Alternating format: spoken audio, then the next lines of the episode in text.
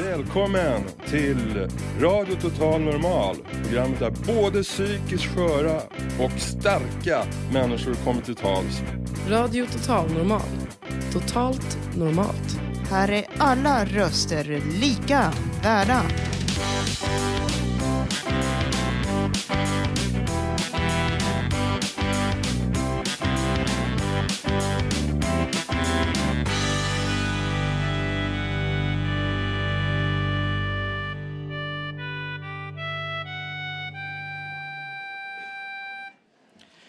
Hej och hjärtligt välkomna till Radio Total Normal, Sveriges bästa närradio på 101,1 MHz. Och idag sänder vi från konferensen eh, Psykisk ohälsa, samhällets barn och unga på City Conference Center i Stockholm. I sändningen idag ska vi få träffa Christian Dahlström, författare och bloggare om psykisk ohälsa. Vi ska få tala med besökarna här och höra berättelser från vår ungredaktion på temat diagnos. Och jag som är dagens programledare heter Björn Holmgren. Vi eh, tackar. Vi sänder från eh, fikaavdelningen. Hundratals personer som eh, kommit till konferensen strömmar till för att ta en kaffe och förhoppningsvis lyssna till oss. Bredvid mig står Pernilla Larsson som är projektkoordinator för Expo Medica som håller i konferensen. Precis. Eh, vad händer här idag? Vi har en stor konferens för att lyfta psykisk ohälsa just för barn och unga i samhället. Eh, och ta bort tabun. Eh, hur vi kan bemöta de här personerna i samhället och hur vi kan bli bättre. Och, varför skulle du säga att en sån här konferens behövs? Det handlar just om att kunna lyfta tabut, ta bort stigman eh, och just de här bemötandefrågorna. Hur kan vi bli bättre på att bemöta barn och unga som har psykisk ohälsa? Och därför har ni ett antal utställare här eh, idag och igår. Precis, ungefär 60 utställare. Och vi har 500 besökare. Och det är 50 året i rad som ni arrangerar konferensen. Precis. Och vi gratulerar på femårsdagen. Tackar, tackar. Hur många, eh, det är 500 personer som hittar hit ungefär, Precis. säger ni. Vad får ni för något gensvar? Det är många som tycker att det är bra att vi tar upp de här frågorna och att vi har då föreläsningar som är väldigt breda. Eh, allt ifrån diagnoser till eh, självskadebeteende och så vidare. Allt nästan inom just ämnet psykisk ohälsa. Och vi försöker hela tiden ha de senaste, både när det gäller forskningsresultaten och lyfter nya saker för att kunna öka kunskapen och medvetenheten. Och konferensen har ju blivit, som jag förstår, väldigt etablerad i Sverige. Precis. Många som återkommer. Ja, det är det. Det är många återkommande. Idag, idag på, innan den här sändningen nu så har det varit en eh, föreläsning om diagnoser. Är det någonting särskilt ni fokuserar på eller hur kommer det sig? Nej, utan det är ju, många av de här bitarna ökar ju hela tiden. Eh, och därför så är det ju viktigt att prata om det och förmedla. Vad är det senaste man har hört? Är det någonting nytt? Eh, och likadant att kunna lyfta ämnet överhuvudtaget. Absolut, jag håller med. Det är ju väldigt viktigt att, att ta upp det här. Eh, tack så mycket Pernilla för Tack att du kunde komma ha. hit och svara på några frågor. Tack. Lycka till med fortsatta konferensen. Tack ska du ha.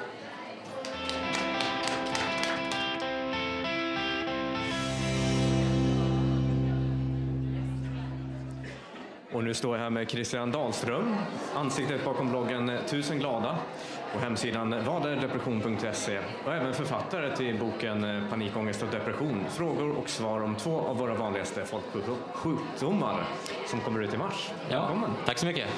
Hur känns det att vara här? Det känns eh, jättebra. Härligt! Har du hunnit ta in någonting av konferensen? Eh, eh, nej, tyvärr. Jag kom ganska nyligen så jag har bara gått runt och kikat lite snabbt här. Men eh, det är väldigt mycket folk och det känns ju bra att det finns lite mm, uppmärksamhet för den här typen av frågor. Så det är jättebra. Ja, för det intresserar dig väldigt mycket. Ja, självklart. Absolut. Eh, ja, jag har ju skrivit den här boken och poddar och bloggar och allt. Så det, visst, det är absolut intresserad. Ja, och du har ju en- podcast nu också tillsammans med eh, Rebecka Anserud Ja. som heter Psykpodden. Exakt. Berätta, ni startade den i, i december. Ja, precis. Vi hade... Egentligen så har vi haft det på ritbordet betydligt längre än så. Jag tror att vi började prata om det i somras. Ehm, Men sen så har både hon och jag haft så väldigt mycket att göra nu under hösten och sådär så att eh, det blev inte av förrän i december. Men eh, nu i, i veckan så har vi precis kommit ut med vårt femte avsnitt och ehm, det har blivit väldigt eh, stort väldigt fort och det är jättemånga som hör av sig och eh, vi har hamnat högt på de här listorna på iTunes och allt sånt där så att, eh, och vi har sponsorer som har kommit in och stöttat projektet så att det, är väldigt positivt. Och vad är bakgrunden till att ni startade Psykpodden? Alltså, det är väl lite i samma spår som allt annat som jag och Rebecca har gjort om det här. Att eh, sprida kunskap, eh, bryta stigma och sådana där saker. Så att, eh, eh, och, och det fanns ingen podcast eh, om psykisk ohälsa och eh, då tänkte vi att då, nu är det dags att någon startar den. Så kör- gjorde vi det egentligen. Det, psykisk ohälsa finns det ju ofta, eller har funnits mycket tabu kring och att prata om och så. Kän, känns det viktigt att starta en podcast där, där det är mer öppet? Ja, absolut. Jo, men det, det känns jätte, jätteviktigt faktiskt. Och att vi har med gäster och sånt som är med och berättar också. Det känns eh, väldigt viktigt. Eh, samtidigt kan man ju nästan bli lite trött på sig själv när man eh, ska berätta liksom, om sig själv hela tiden eh, för andra. Eh, alltså, jag har ju förstått att folk behöver det så att därför tycker jag att det är okej men det känns som att det kanske borde finnas fler röster som blir hörda också. Så vi försöker ju ha gäster och sånt där men annars så är det ju bara jag och Rebecca som pratar och berättar om våra erfarenheter och folk tycker ju att det är toppen men, men ehm, jag hoppas att eh, det kanske kommer fler poddar som eh, pratar om samma sak och gör det bättre än oss och kanske konkurrerar ut oss så att vi inte behövs om två år. Ja, jag förstår verkligen att öppenheten ska öka. Men du, du berättar om dina egna erfarenheter. Vad har du för några erfarenheter av psykisk ohälsa? Ja, alltså jag har ju haft paniksyndrom och depression i ungefär fem år. Ehm, jag fick paniksyndrom när jag var 21 eh, och sen så fick jag depression eh, någon, några månader senare. Så att eh, jag hade både och under ett par år och sådär och gick i KBT och eh, gruppterapi, enskild terapi. Jag har till och med gått i internetterapi eh, och det hjälpte jättemycket mot eh, panikångesten. Ehm, men det hjälpte inte riktigt mot depressionen så att eh, då fick jag börja ta antidepressiv medicin Eh, och det hjälpte den här sista biten liksom. Och det tar jag nu också, har gjort det i två år. Så att, eh, ja. Känner du att du har fått den hjälp som du behövde? Alltså, eftersom jag är frisk så får man väl säga att jag har fått det. Men ganska mycket av jobbet har jag fått göra själv och jag tycker att det eh, Många gånger har man fått eh, slåss med näbbar och klor för att få terapi och sådana saker och, och man är ju verkligen inte i slag att göra det när man mår så här dåligt psykiskt. Så att, eh, det tycker jag är jättedåligt men eh, jag vet att det, är, att det, är inte så överallt utan det är väldigt eh, regionalt och sånt där. Att vissa i delar av Sverige så finns det god tillgång till terapi och man får den hjälp man behöver och det är ju toppen liksom. Men överlag så vad jag har förstått så är det hyfsat dåligt att det är lite eftersatt i psykiatrin och sådär. Att det har inte samma status som annan vård trots att depression är ju den vanligaste dödsorsaken för män mellan 15 och 44 och näst vanligaste för kvinnor så att eh, det är ju på, på tiden att det blir lite, eh, lite högre status på det även inom vården. Ja, och vi pratade innan intervjun också, du berättade att när du var liten eller ung så Ja. visste du kanske inte så mycket om depression och panikångest och så. Hur ska man kunna göra det mer? Ja, alltså det, det är en av de sakerna som jag tror faktiskt kan förbättras väldigt mycket och där man eh, genom ganska små medel borde kunna få ganska stor utväxling på insatser, om man ska säga. Alltså, jag minns när, vi, när jag gick i skolan så hade vi hälsovecka. Liksom. Varför kan man inte ha en psykisk ohälsavecka också? Alltså så att man får lära sig grunderna i de vanligaste psykiska sjukdomarna och sådär. För att eh, när jag drabbades av panikångest, alltså det, jag var ju helt övertygad om att det var något fysiskt. Och när jag var på vårdcentralen och läkaren sa att det kunde vara panikångest så tänkte jag liksom att alltså det, jag hade ingen referens överhuvudtaget till det. Och nu när jag har lärt mig hur pass vanligt det är så tycker jag att det är liksom det är skitkonstigt. Alla vet vad diabetes är, alla vet vad cancer är, alla vet vad liksom lunginflammation och sådana här saker är. Men eh, psykisk ohälsa, det ska man tydligen bli varse först när det drabbar en själv och det är ju väldigt konstigt. Absolut. Och du har skrivit den här boken. Mm. Vad handlar den om? Ja, alltså det är ju ett försök på något sätt att sprida information. Så att eh, det är 60 frågor om eh, psykisk ohälsa, framförallt då panikångest och eh, depression då, som, eh, som jag själv har drabbats av och som är två av de vanligaste eh, sjukdomarna. Då. Så att, eh, det är frågor om eh, vart man kan söka hjälp, vart man kan prata med andra som har eh, samma problem, hur många det är som drabbas, eh, vilka böcker som finns att läsa i ämnet förutom min, vart forskningen står, all, alla de här frågorna, alla de viktigaste frågorna jag kunde komma på som jag hade behövt få läsa om när jag blev sjuk eh, och som jag har under de här åren jag har varit sjuk så har jag sökt jättemycket information och suttit nästan liksom dygnet runt för att jag har varit så angelägen om att bli frisk liksom. och då kände jag att allt det, allt, all den researchen jag har gjort vill jag sprida på ett så enkelt och snyggt paketerat sätt till nästa person som kommer så att den får en genväg till, eh, till det här som jag fick. Ja, det, är, det är verkligen en jättestor insats att, att göra eftersom det är så besvärligt som du beskriver att, Mm. att ta sig fram. Känner du att, att författandet av boken också i sig har varit nyttigt för dig? Ja, jo men det har det varit. Alltså det är ju det är ju en, eh, på sätt och vis är det en psykologisk grej där, att man känner att så här, eh, först så blir man sjuk och sen så börjar man kämpa mot sjukdomen och till slut så blir går det lite bättre och till slut blir man frisk då, som jag blev. Eh, och nu så har jag inte bara liksom trängt undan de här eh, demonen utan jag liksom, eh, ja, gör någonting bra av det också. Det är, det är lite så här kanske lite klyschigt, men det, det känns faktiskt väldigt bra att jag har tagit mig igenom det här. Och jag vet ju att åter, å- återfallsrisken är hög och sådär, så där, att jag, det är inte så att jag känner mig safe själv, liksom, men ändå att jag kan liksom, eh, ta det här, det här väldigt, väldigt negativa som har inträffat och göra någonting positivt av det. Det, det är en skön känsla, så är det bara. Mm. Då, då har ju du naturligtvis också, i och med all research och så som du har gjort, fått en väldigt, en, kanske mycket klarare bild av ditt tillstånd än vad många andra har. Vi kommer eh, senare i programmet prata mycket om identifikation och, av diagnoser och så. Skulle du identifiera dig som psykiskt sjuk? Eller hur, hur ställer du till att identifiera sig Nej. med en diagnos? Det, det gör jag inte. Dels för att jag är frisk nu, men ä- även under eh, perioderna när jag var sjuk så, så var jag ganska noga med det. Att Jag ville inte liksom... Eh, alltså jag träffade väldigt många som var psykiskt sjuka och var på patientföreningar och sådana saker. Och, och det var bra på sitt sätt liksom. Och det var jätteviktigt för mig att träffa andra och prata med andra som har liknande problem. Men jag kände samtidigt att jag ville liksom inte bli en del av den här communityn för mycket. Att jag alltså bygger upp ett liv kring eh, här, mina diagnoser så att jag bara har vänner och sånt som har samma, eller samma problem. För att vad händer då när jag blir frisk liksom? Förstår du? Att jag, jag, vill inte, jag vill inte identifiera mig för mycket med sjukdomen. Eh, och, och, och det har ju liksom ingenting att göra med att jag inte tycker att de människorna som är i det, den communityn eller vad man ska kalla det är sämre än andra men jag ville liksom ha kvar mitt vanliga liv och inte liksom eh, identifiera mig för mycket med sjukdomen. Jag, på något sätt, jag vet inte hur. Nej men absolut. Eh, tack så jättemycket för att du kom hit idag Ja, tack och så att vi fick intervjua dig i Ja. Radio Total Normal. ja, tack så mycket. Ha det gott och på återseende. Ja, tack. tack.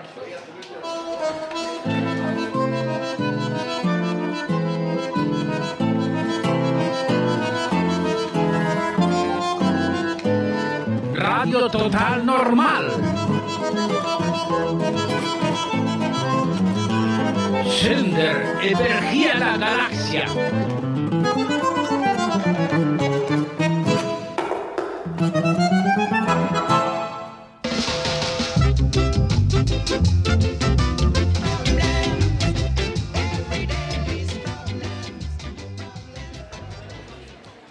Idag sänder Radio Total Normal från konferensen Psykisk ohälsa, samhällets barn och unga. Och dagen inleddes med en diskussion om alla de diagnoser som finns i vår tid. Eh, för vissa blir ju diagnosen ens identitet, men hur långt eh, kan man låta detta gå? Vi har en diskussion mellan Alex och Niklas. Det kan nog till viss del bero på att man känner att om jag inte... Nu har läkaren satt den här diagnosen och då för att få behålla min ersättning från Försäkringskassan eller mina stödåtgärder, vad det nu kan vara, då måste jag verkligen bli den här personen eller bete mig så här. Ja, sen kan man ju också se det som att de flesta personerna som är i psykvården, de jobbar på de här små 15 procenten då som är psykiatriskt fel. Och jag menar, det är ju en sån liten del egentligen. Men ändå så lägger de ner så fruktansvärt mycket tid på de här 15 procenten. Och ju längre du blir där, desto mer identifierar du dig med 15 procent av vad som är du. Och det är då du blir en patient istället för en person. Då blir man helt enkelt 100% eh, ADHD eller borderline eller vad man nu kan ha fått för tjusig diagnos. Det är väl lite som de säger i pokern, det är all in liksom. Men... Nej, men alltså, problemet är att oftast om vi tänker på ungdomar till exempel som råkar ut för någonting. De söker ju fortfarande en väldig identitet och de har inte riktigt hittat sin plats och allting. Och det är svårt att finna sig idag även för äldre personer. Och jag menar, sen helt plötsligt har du någon som säger att ah, nej men du har det här felet. Och det är ganska allvarliga saker ändå. Ah, nej men det är därför du beter dig så här. Och det, är, det är inget annat än att göra än att ta mycket tabletter och ja, du kommer aldrig kunna återvända till arbetslivet för att du är helt jävla rubbad, rent ut sagt. Vad fan är det för framtid liksom? Ja, ja, vad gör man då? Man ballar ur till slut. För att de tar ju liksom allt ifrån en då, som är de här över 85 procenten. Hur skulle vi vilja ha det istället för det här? Då? Jag tror var och en måste hitta sin egen väg lite där. Liksom. Det är ju så här, jag skulle vilja efterlysa mer om att det blir lite mer att patienter eller personer eh, överhuvudtaget får lite mer så här, delaktighet i sin egen rehabilitering. Alltså att de har chans att påverka själv eller kunna föra en diskussion angående de här diagnoserna och hur de kom fram till det och om du känner själv att det stämmer. Och inte bara det, utan det skulle jag gärna vilja få med medicineringen också. För oftast får personer liksom så ganska tunga mediciner och de vet inte ens vad det är. Vad de gör, hur de fungerar, vad kommer hända sen. Och sist hörde ni Niklas om att få vara delaktig i sin vård. Och nu har jag slängt ut Emma i publiken. Hur, hur är stämningen där ute? Jo, det är bra. Det är många människor som står och lyssnar och samtalar. Och jag står här med, hej, vad heter du? Christer Fahlberg. Och var kommer du ifrån? Jag kommer från ett företag som heter Enigma Omsorg och Enigma Education. Vi har utbildningar för personer inom neuropsykiatrin. Och vad tycker du om att vara här? Det är jätteroligt, speciellt det här att um, prata om bemötande. Och det är det precis det som vi tycker, det här att hur bemöter vi de här personerna på det bästa sättet så får man som, ja, med respekt.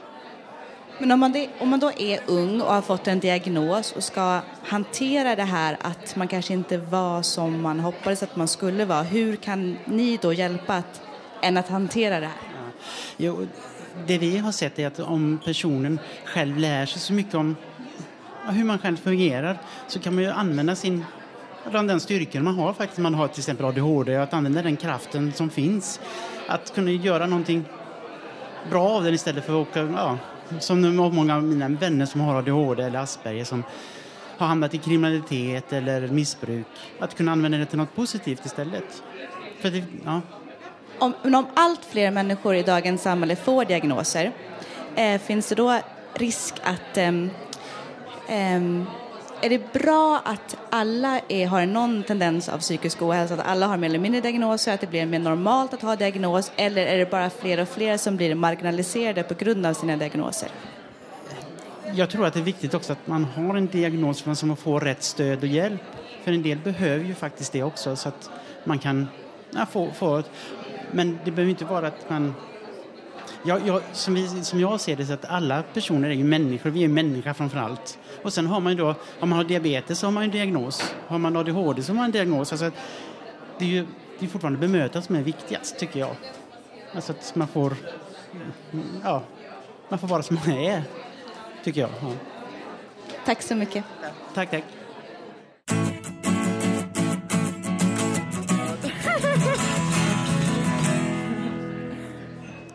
Med en allt mer utvecklad psykiatri skulle man ju också kunna tänka sig att eh, andra tjänster erbjuds eh, som ger psykiatrisk vägledning.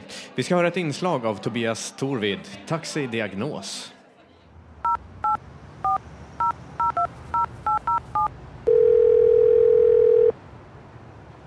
Välkommen till Taxi Diagnos där dina bokstäver får komma i första hand. Jag heter Tobias, hur kan jag hjälpa dig? Ja, hallå, jag heter Lennart och vill boka... Vänta, var har jag kommit sa du? Taxi Diagnos, där dina egna bokstäver komma Ja, jag hörde dig första gången. Jag bryr mig inte om vad ni heter, så länge ni kan fixa en taxi åt mig. Absolut Lennart. Varifrån vill du åka? Rockstavägen och det är i Huddinge. Bokstavsvägen ADHD, absolut. Ursäkta? Eh, Din adress är Bokstavsvägen och din diagnos ADHD. Alltså, jag bor på Rockstavägen och jag har verkligen inte ADHD om du nu tror det. Lennart, det är absolut inget att skämmas för. Här på Taxi Diagnos tillgodoser vi allas behov, hur knäppa det än må vara. Så eh, vilket hjälpmedel föredrar du i bilen? Va, alltså vadå för hjälpmedel? Vill du till exempel beställa en taxi med läkemedel i, såsom Ritalin och Concerta? I så fall krävs det att du visar upp läkarintyg på det. Och för KBT-behandling av en legitimerad psykoterapeut under resan tillkommer en liten avgift på bara 1500 kronor. Hallå, lyssna här va. Du, jag lider inte av någon diagnos, fattar du det? Jag vill bara ha en taxi, inget annat. Hur mycket kommer detta kosta? ADHD-taxametern beräknas utefter din hyperaktivitet. Min vadå? Ja, din eh, hyperaktivitet. Priset regleras utefter hur mycket energi du förbrukar under resan. Ju mer energisk du är, desto dyrare kommer det att bli. Ganska dyrt i ditt fall tror jag. Men eftersom att hastigheten också påverkas av din energiförbrukning så kommer ju resan gå fortare ju mer hyper du är. Så det kommer nog gå jämnt ut till slut, ska du se. Alltså jag fattar ingenting av detta. Jag vill bara åka en helt vanlig enkel taxi. Vad är det du inte begriper? Jag förstår mycket väl att det kan vara svårt att kontrollera sin ADHD, Lennart. Speciellt om man har en sån gravform som du verkar ha. Det är ju därför jag är här. För att hjälpa dig, så ta det bara lugnt. Äh. Ja, ja. När kan ni vara här då? Så fort vi hunnit installera ett nytt kedjetextbälte i bilen. Förra kunden lyckades eh, på något sätt sno alltihop. Va? Sådär ja, då var bokningen bekräftad.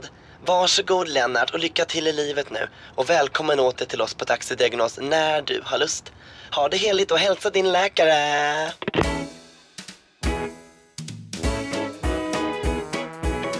Vi har en riktig show om du vill hänga med med lite dur och moll så fixar vi till det. Vi har slagit alla våra huvuden ihop och vi har fått fram ett radioprogram, det här är vad vi gjort.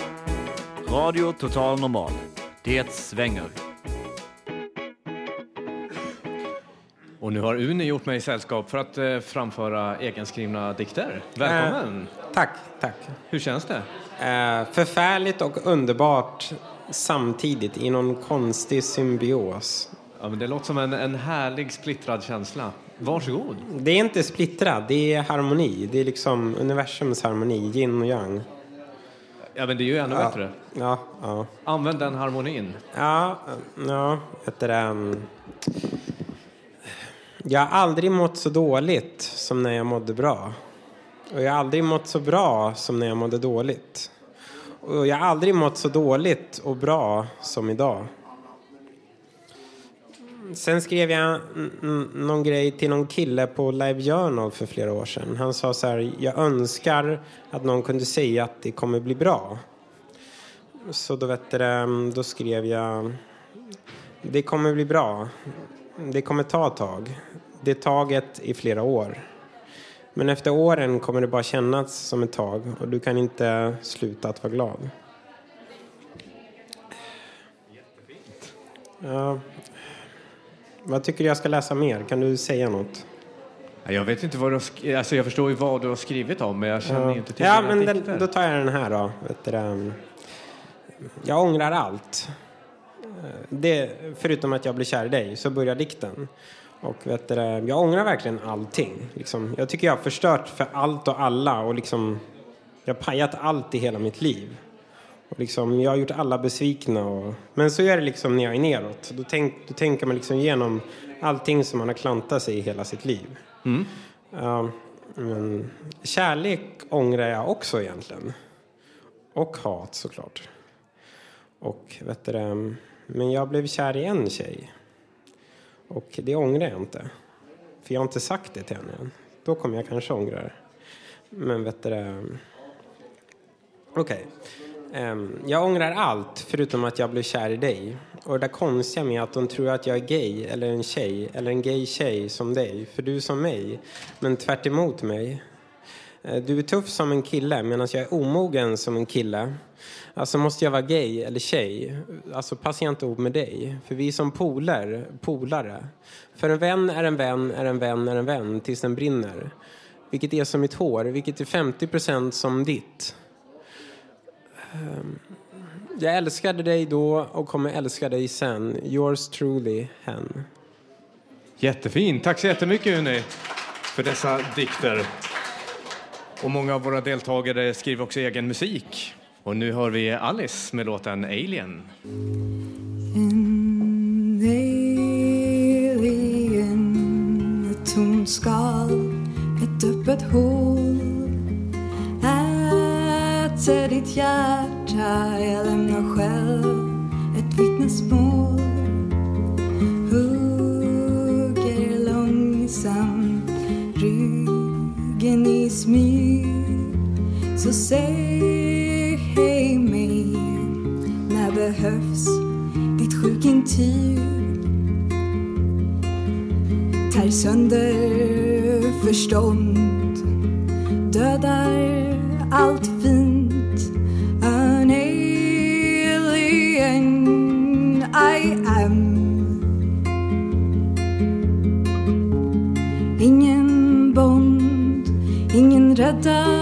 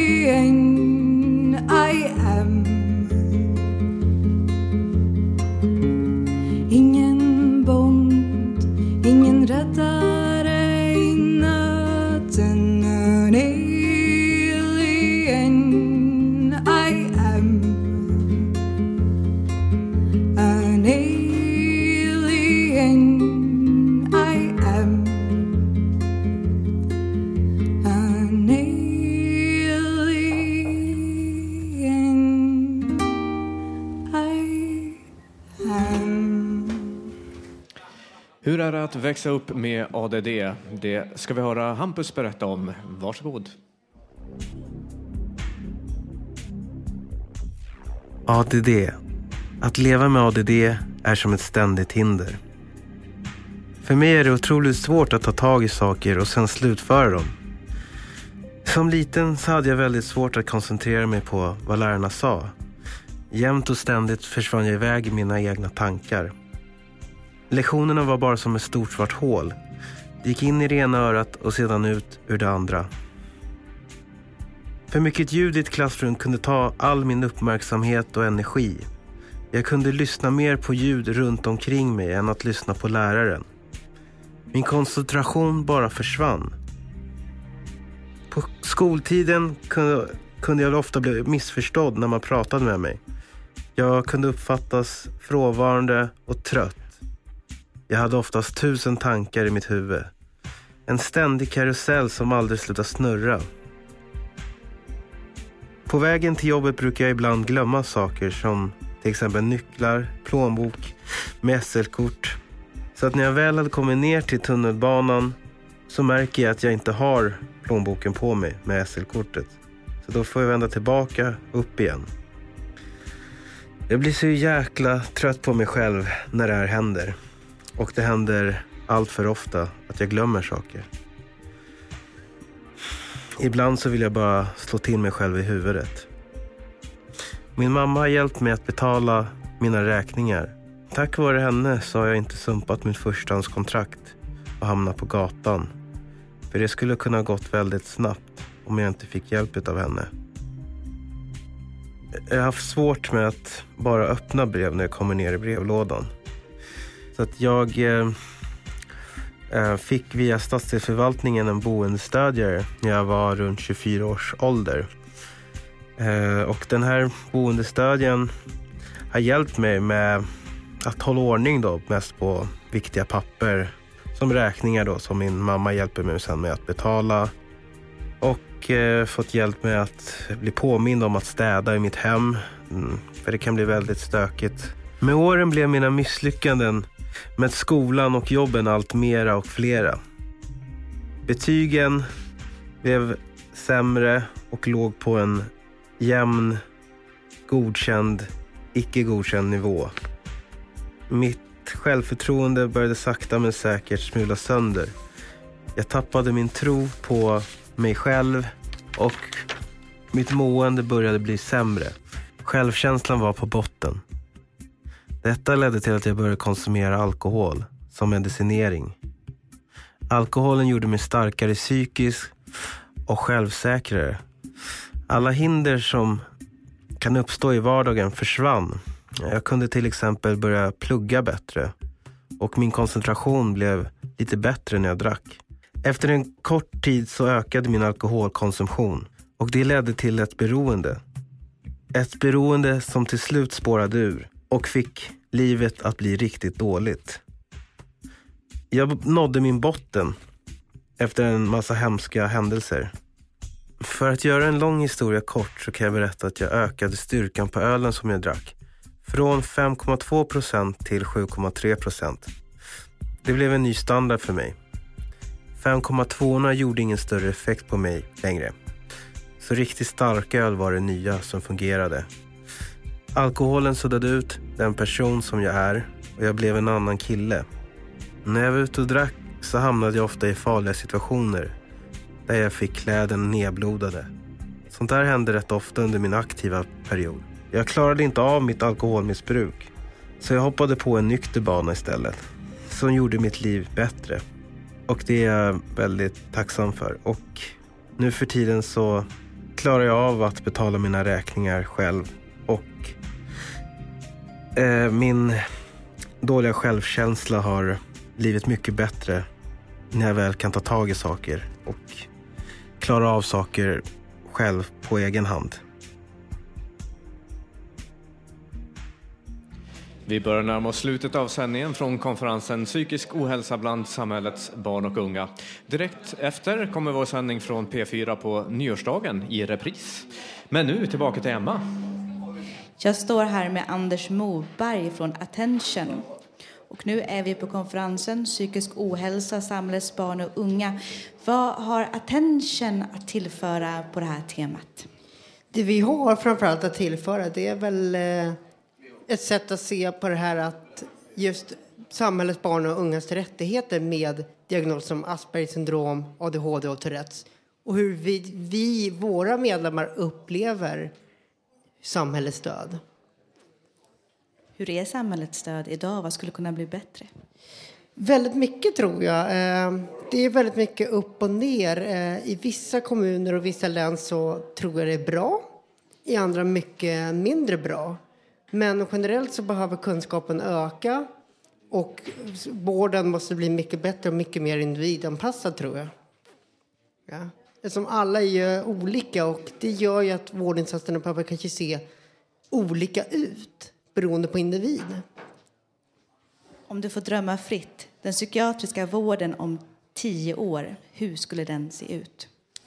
Om tio år, den psykiatriska vården, så ser den väl ut på så sätt att den dels är mycket mer individanpassad.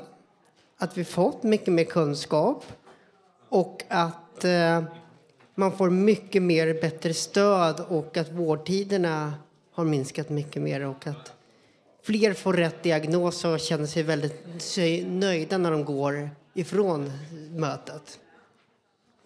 Låter bra. Tack så mycket. Tack. Idag i vår radiosändning har vi fått lära oss mer om diagnoser bland unga.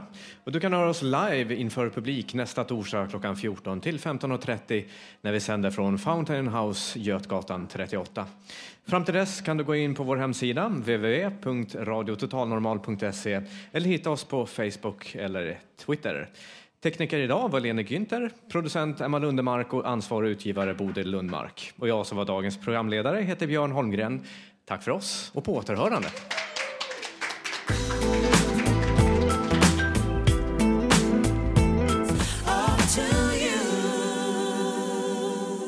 Nu följer en repris. Nu börjar Radio Total Normal. Programmet där vi med erfarenhet av psykisk ohälsa säger vad vi vill. Här är alla röster lika värda.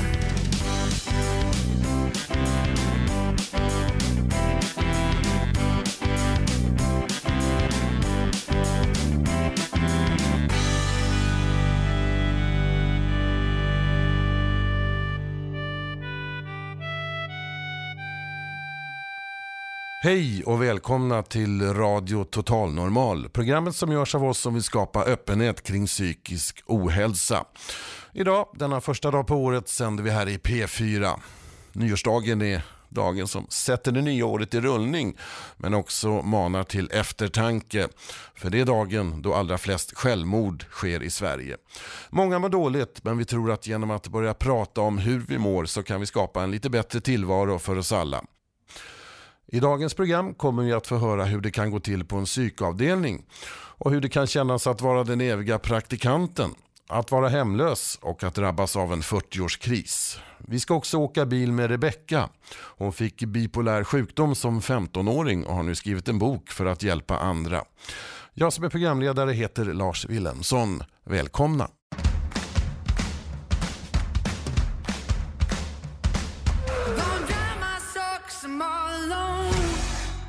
Amanda Jensen med låten Dry My Soul.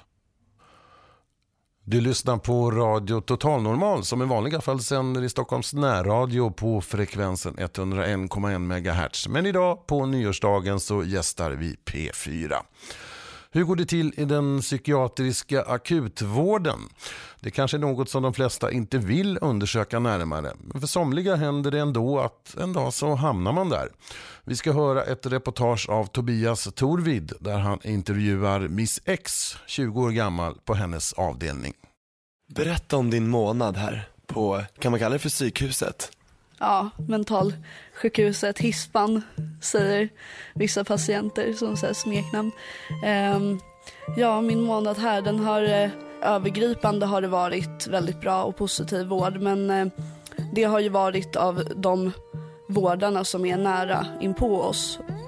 Problemet har väl varit att kanske läkare och sådär, de träffar inte oss varje dag.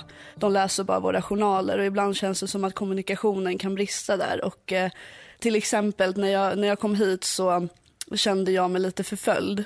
Vilket jag gjorde på riktigt för att det faktiskt var någon som var ute efter att hitta mig. Och då blev det lite missförstånd eftersom att de som jobbar här, de tänker ju att eh, när de hör någonting sånt, att man är liksom sjuk för att man är ju på ett mentalsjukhus, att det är någonting man hittar på. Men i mitt fall så var det ju så på riktigt och då är det viktigt att de, de kanske behöver lyssna mer och utreda mer vad som är sjukdom och vad som är på riktigt. Vad är, vad är det som är dåligt här på det här mentalsjukhuset, tycker du, i vården? Jag, jag fick en eh, överdos av en medicin, eller inte överdos men jag fick för mycket av en medicin som jag hade fått utskriven vilket gjorde att jag fick väldiga biverkningar. Eh, och eh, jag, eller två mediciner var det till och med och den ena gjorde att jag spydde och den andra gjorde att mina ögon rullade bakåt och jag fick kramper i hela kroppen och det var väldigt obehagligt. Och då hade jag sagt innan att jag inte ville ha de här medicinerna.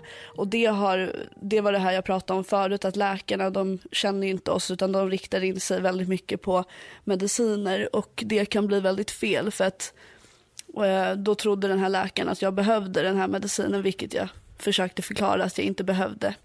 Vilken medicin var det? Vill du berätta det? Eller vilka? Eh, det var Haldol och Abilify som jag fick och det är antipsykotiska mediciner.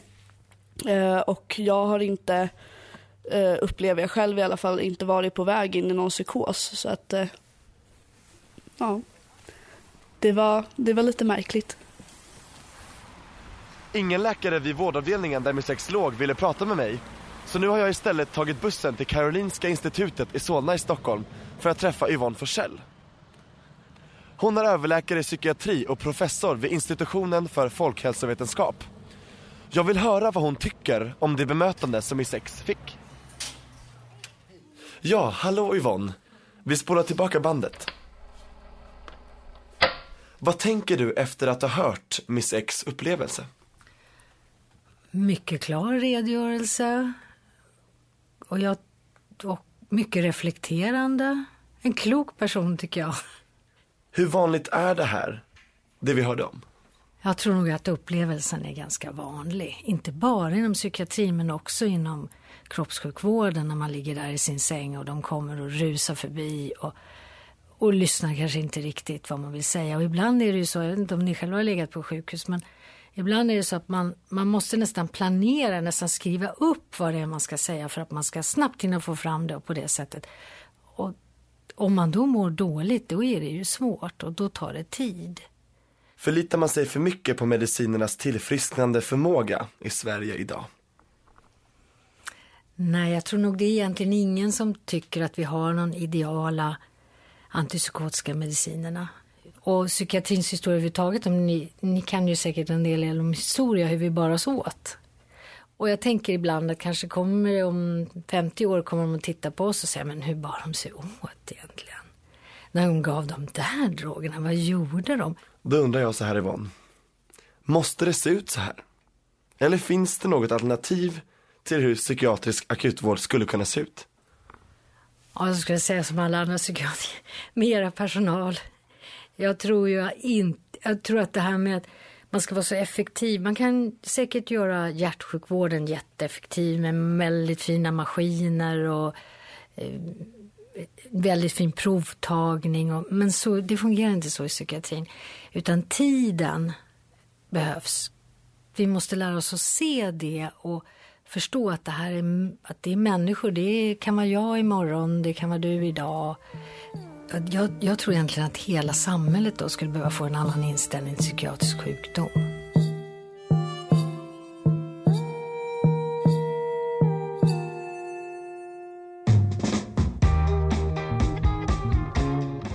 Och det var Swim and Sleep av Unknown Mortal Orchestra. Nu när vintern och mörkret är här så går våra tankar kanske lite oftare till de som är hemlösa. Nu är det lätt att hasta förbi men vi vet ju att de finns där. Har du någon gång undrat över hur det känns att vara hemlös? Det vet Tengo Kilumanga.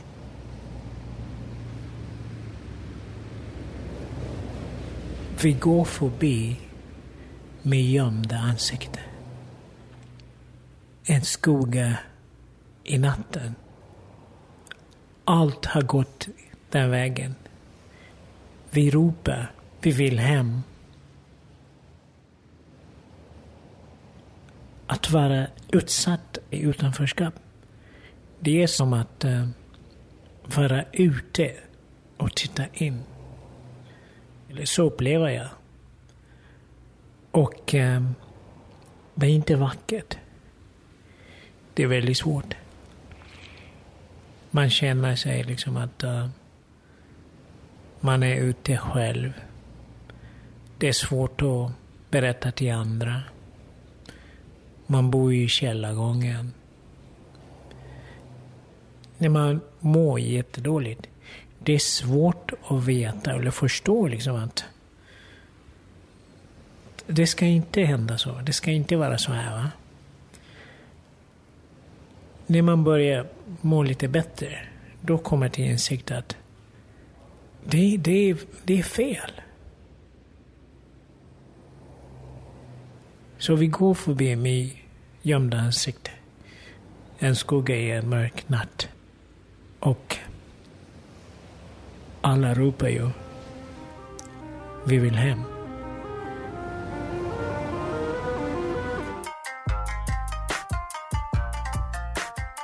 Ni hörde låten Tänk att få vara barn. Och de som framförde den heter Laika, den döda hunden och Magiskt. Många som hamnat utanför arbetsmarknaden på grund av psykisk ohälsa blir erbjudna praktik. Jasmine praktiserade ett tag i en blomsterbutik. Vi hör henne i ett reportage av Alexandra.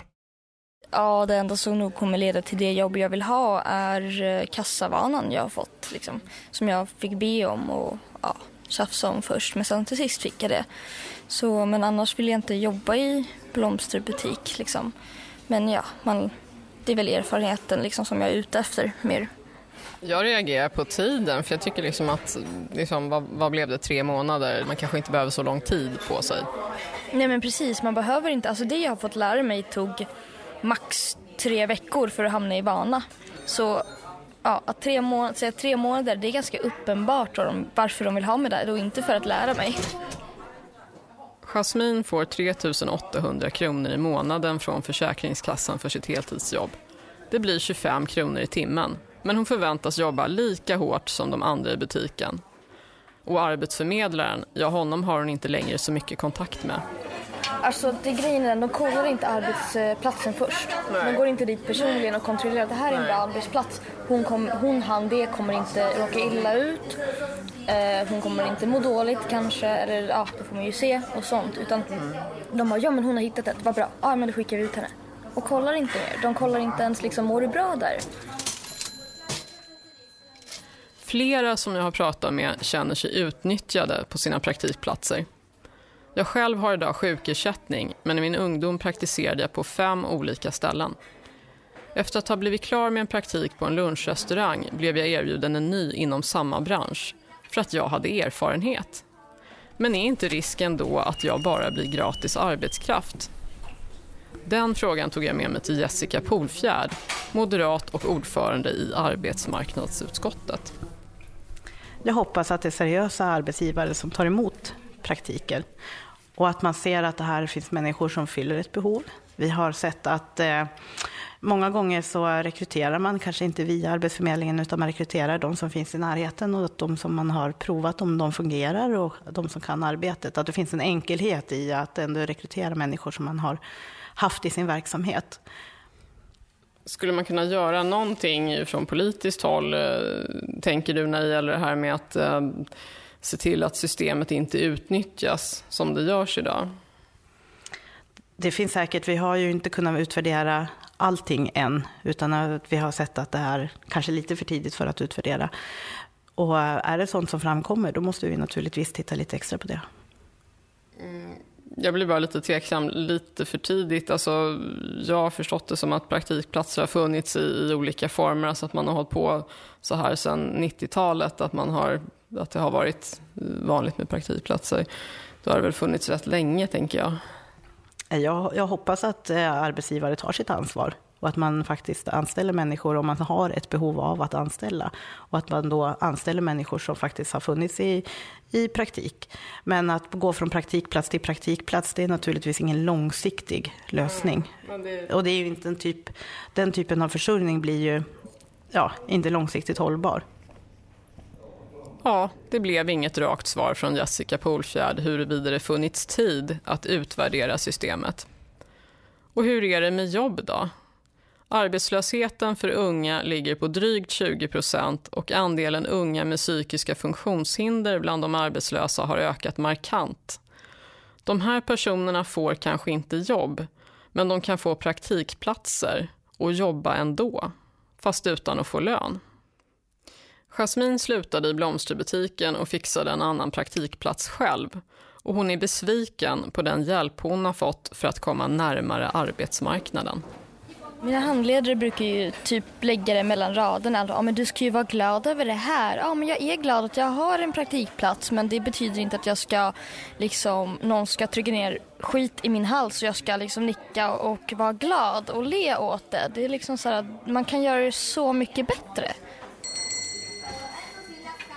Radio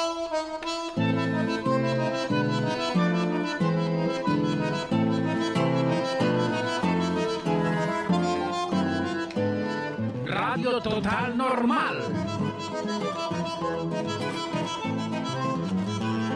Sänder över hela galaxia.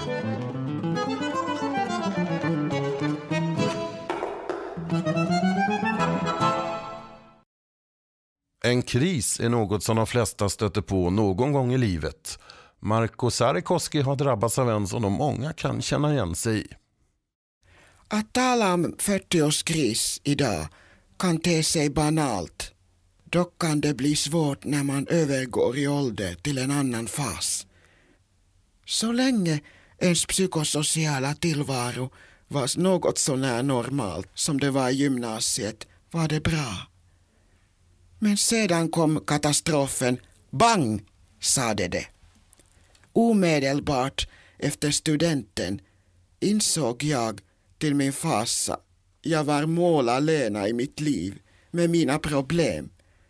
Som aspergare, något som jag dock fick utrett rätt många år senare, och homosexuell, var jag så ensam någon nästan kan överhuvudtaget vara i livet. Folk som tillhör minoriteterna jämfört med det normala. För dem blir resultatet i social aspekt katastrofalt.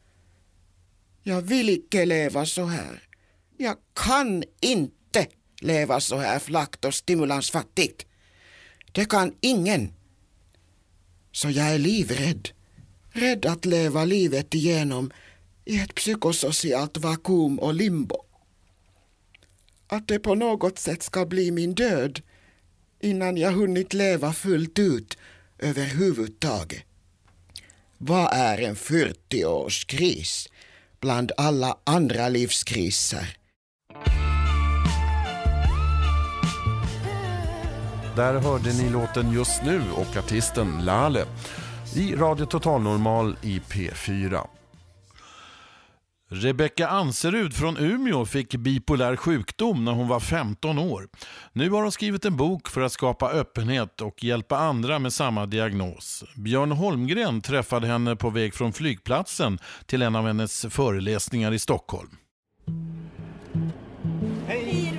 Jan som ska intervjua dig. Ja, hallå. Herregud, jag har ställt alarm. Ja, vi har fått den stora förmånen att ta med oss Rebecka Anserud i vår bil. Eh, Rebecka som har skrivit eh, boken Ett bipolärt hjärta. Mm. Varför skrev du den? Ja, jag skrev den för att jag tyckte det fanns så lite information om bipolär sjukdom och jag ville visa för andra att eh, ni inte är ensamma om att leva i det här. Att skapa en större öppenhet i samhället helt enkelt. Jag förstod att jag hade bipolär sjukdom när jag läste en psykologibok och det var en jättestor sorg för mig. Det känns som att man vill inte ta till sig det i början men sen började jag tänka att vänd på det här Rebecka. Eh, nu kanske du kan få rätt hjälp så att du kan få ett stabilare liv helt enkelt. Och nu kör vi mot rött. I radio. Det, det är speciellt att bli intervjuad i en bil kan jag säga. Eller vill du väl till psykakuten? Nej jag skojar bara. Jag, jag har självdistans. Hur, hur, viktigt, hur viktigt är det att ha självdistans till, till sjukdomen? Ja men alltså, vad fan, jag kan se det tragikomiska i att jag var varit manisk och gjort vissa konstiga saker. Alltså det är någonting jag kan även skratta åt så här i efterhand. Att det var väl lite konstigt att jag skulle köpa upp alla glitterpennor på Åhléns City för flera tusen spänn liksom. Eh, vad fan, det är bara att skratta åt skiten. Det, det har jag gjort liksom, de gick inte att lämna tillbaka ens. Det är ju bara så. Fan. Eh, men... Eh, men visst, alltså, manier de, de kan vara väldigt tragiska också. Eh, det är som när, när, man blir manisk, i alla fall förut när jag blev manisk, då var det som att jag ville sluta ta min medicinering för att man vill ju som vara kvar i den där känslan på något sätt för den är så härlig. Eh, men jag har kommit dit idag att jag, jag har bestämt mig för att jag vill ha ett så stabilt liv som möjligt.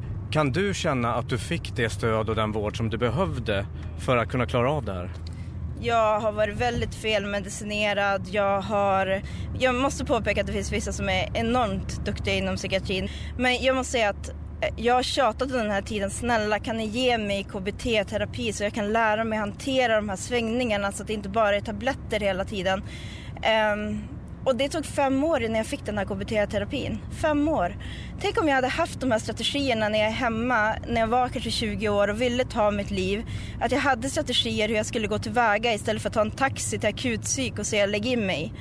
Förstår ni? Det, är, är, det, är det pengar det handlar om inom psykiatrin att de inte vill ge mig den här terapibehandlingen? För då har de faktiskt förlorat på det. Jag har legat inne så många gånger.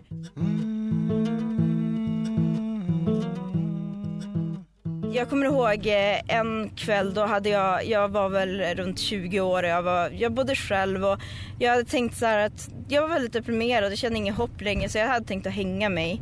Eh, jag tänkte att, men Rebecka packa nu väska och gå nu till psykiatrin och, och lägga in det. Det var mitt i natten och jag går där i jätte det var jättekallt ute och jag går där med min väska som jag hade packat för jag tänkte nu ska jag bli inlagd på psykiatrin och, och rädd, rädda det här liksom, ge det en chans.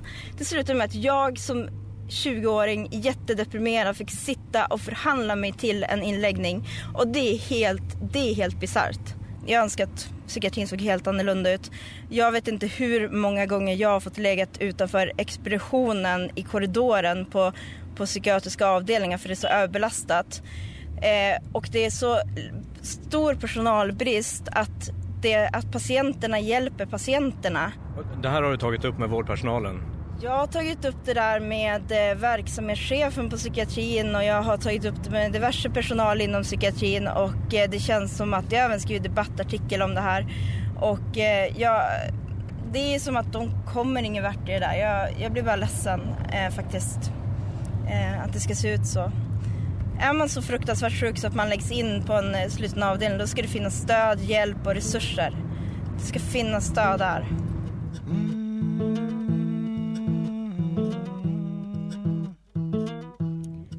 Hur hjälptes du? För du, du skriver ju också om öppenheten som vi pratade om förut. Hur hjälptes du av att, av att gå ut öppet med, att komma ut? Ja, alltså jag, jag kommer ihåg så väl när jag sitter i bilen och så hade jag bestämt mig för att nu ska jag säga till min familj att jag har bipolär sjukdom. Sitter jag där med min familj och räknar till tre och så säger jag att ja, jag har bipolär sjukdom. Och när jag just säger det då är det som att en tyngd försvinner från mina axlar och jag, eh, jag märker att de vänder sig om och kollar på mig att tack för att du säger det, nu förstår vi dig bättre. Och jag kan se att mina relationer har blivit så mycket tajtare efter jag har berättat att jag har den här diagnosen. Re responsen på det, på öppenheten av andra som har bipolär sjukdom? Det som är så fantastiskt ibland på mina föreläsningar det är att vissa kan ställa sig upp för första gången och säga att jag har bipolär sjukdom efter mina föreläsningar. Just för att jag trycker på att öppenhet skapar öppenhet och det, du är bra som du är fast du har den här typen av sjukdom och så vidare.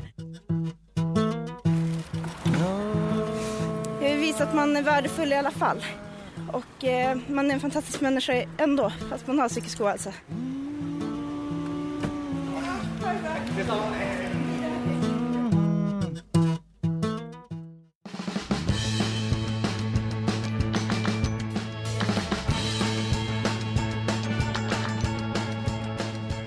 Låten ni hörde, det var Sanningsdagen och den framfördes av Säkert. Här i Radio Total Normal i P4. Allt gott har ett slut, men även en början. Ett riktigt fint 2014 hoppas jag vi har framför oss. Ring ut det gamla, ring in det nya. Ett nytt år ligger framför mig. Reser sig upp och står framför mina fötter. Det gamla året trampade mig på tårna, orsakade en smärta ända upp mot huvudet, stannade till i mitt hjärta. Det gamla året har lagt sig nu, lämnade efter sig en smärta. Det nya året står framför mina fötter. Hoppas vi kommer att bli vänner. God fortsättning på det nya året allihopa. Du har lyssnat på Radio Total Normal i P4. I vanliga fall sänder vi på närradion 101,1 MHz. Vi sänder live med publik från Stockholm med början torsdag den 23 januari. Vill du lyssna på oss igen så gå in via webben www.radiototalnormal.se. Radio Totalnormal drivs av föreningen Fanzingo i samarbete med Fountain House Stockholm. Och programmet görs av oss som vill skapa öppenhet kring psykisk ohälsa. Producenter var Emma Lundenmark och Bodil Lundmark. Tekniker var Nanne Johansson och Gustav Sondén. Och jag som har varit programledare denna allra första dag på året heter Lars Wilhelmsson.